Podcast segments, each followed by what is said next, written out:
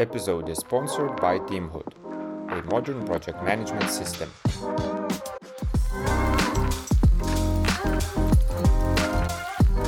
Hello, Stefan. Uh, we are here in Agile Tour 2022 Vilnius. Uh, you just had a real nice presentation, real nice speech about the mythical sprint goal with the 20 reasons why to, to skip the sprint backlog. Uh, but maybe beginning you can just uh, mention a few words about yourself and then we'll go to the topic which you presented and maybe you know just just talk about that.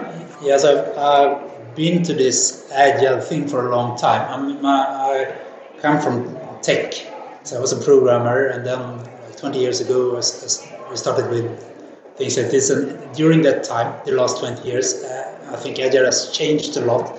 First, it was more like uh, being able to work in team and how, how to do that and deliver consistently. But maybe not about delivering real value, but delivering in short feedback loops. Then all this UX and all these things, maybe not UX, but, but things similar to UX entered and, and value was more important. And nowadays there are things that maybe are opposite to what Agile was from the beginning, more like waterfall frameworks that use the word Agile, so people think of that. Um, Give me a second. Hello? Try to speak? yeah, uh, Papa.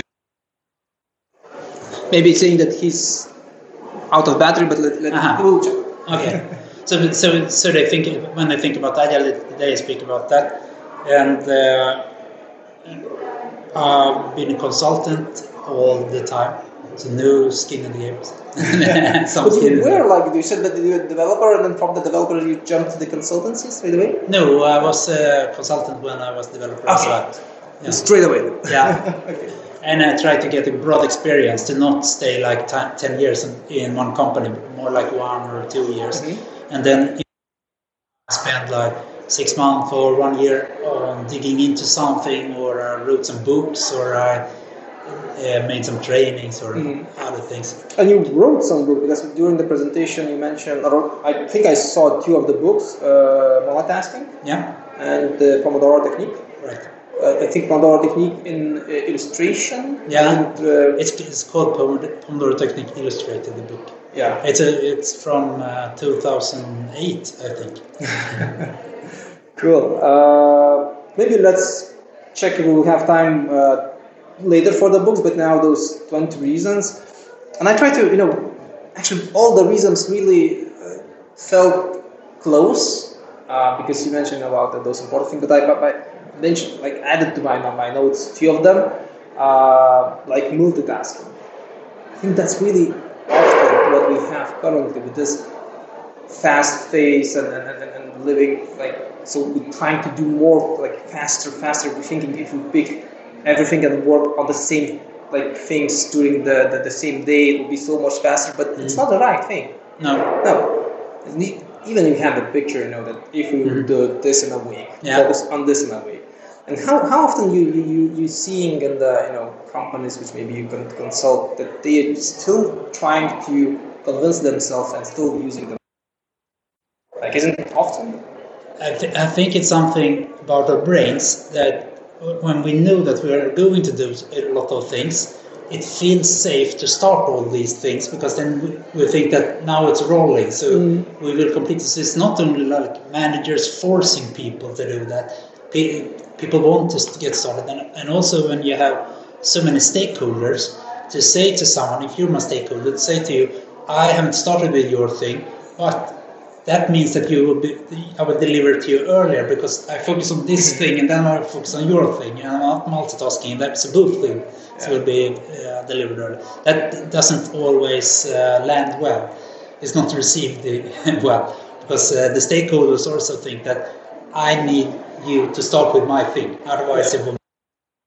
Yes, it's again, this requires even more uh, communication between the you and the different stakeholders because every stakeholder will say, I want my thing to start now. Yeah, And then you, in, in this, without the multitasking, to say, okay, look, I will work on this and I will start working on your different stakeholder task only after a week. And that you need to manage this, you know, priority things and, and then say that in our way, you know, we can start the both, but we will delay both Then. Is that Yeah. right? So it's again communication, uh, openness, and, and many other reasons uh, and options how, how to make less multitasking.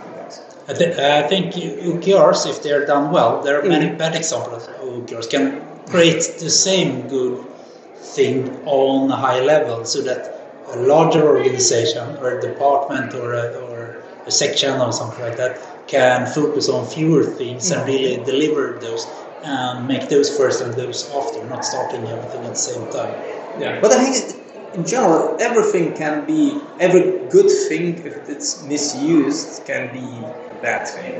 The same like uh, I don't know, it seems the sprint goal. Uh, and one of the examples uh, which you mentioned that you know it's business uh, uh, busy driven or value driven. Yeah. Because it can be you know just the sprint goal to finish every task which we added. And so it's mentioned it it's kind of busy driven because it's just filling random things that people will be just busy. But Yeah. are we focusing on values? So And it might also be a good feeling in short term that if you're really busy, then you're recognized and you're doing something good. it doesn't matter what you're doing because you do, you're in the you know in the flow in the in the sense not not the lean flow but the flow from you know this guy uh, Csikszentmihalyi yeah, f- flow that you you're really competent in this and you're doing it but you might win the wrong game because you might not do the thing that you should do. And I really like your again picture and, and, and one of the uh, notes. It's ad- additive or subtractive. Yeah. Uh, I know, and you showed it like in the picture. Really got a great example. Maybe you can elaborate on this, like how how, how to stop adding. Yeah, so it, it was two bicycles, and one bicycle was the old way. When I was a kid, how you learn to, to bike, you have these supporting wheels, and uh, after a while you could uh, run this bicycle really well. But when you took off the, the supporting wheels, you fell flat immediately because you don't learn to ride a bike if you add these constraints. You learn to ride a bike with uh, with supporting wheels. Yeah. And nowadays they have changed. I- I've noticed that they instead have this what are they called? Uh, balancing. Ba- balancing bike. So instead of instead of adding supporting wheels, they have removed the pedals.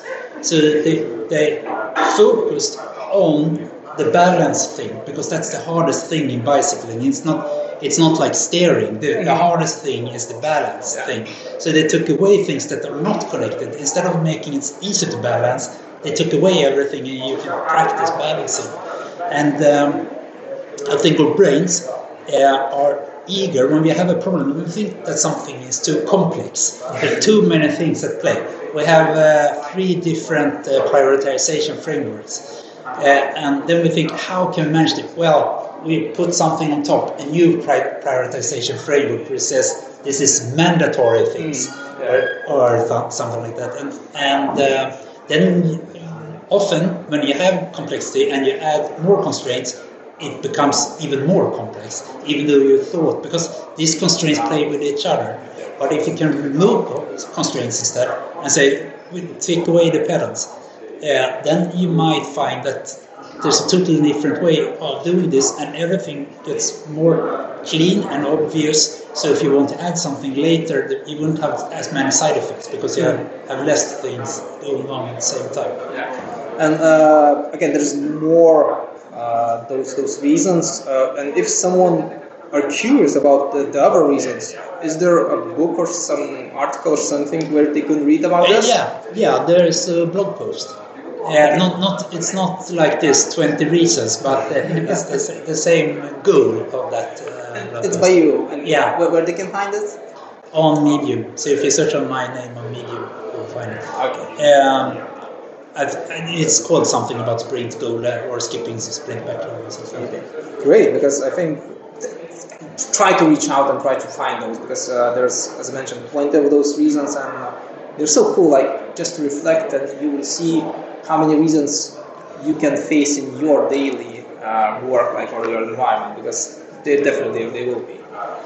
Uh, maybe done about those two books which uh, we mentioned, like Yeah. I'm not asking what is this uh, book about because I didn't read some of it, but uh, maybe just Yeah, the, the Pomodoro book, maybe you know about Pomodoro, Yeah. many people do.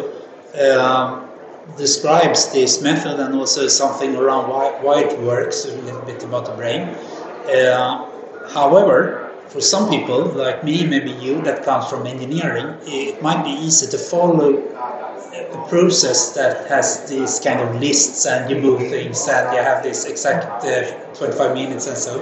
But for many people, it's too many rules and too much process. So I try to create something that should be more intuitive and more in line with uh, psychology and evolution and how the brain works.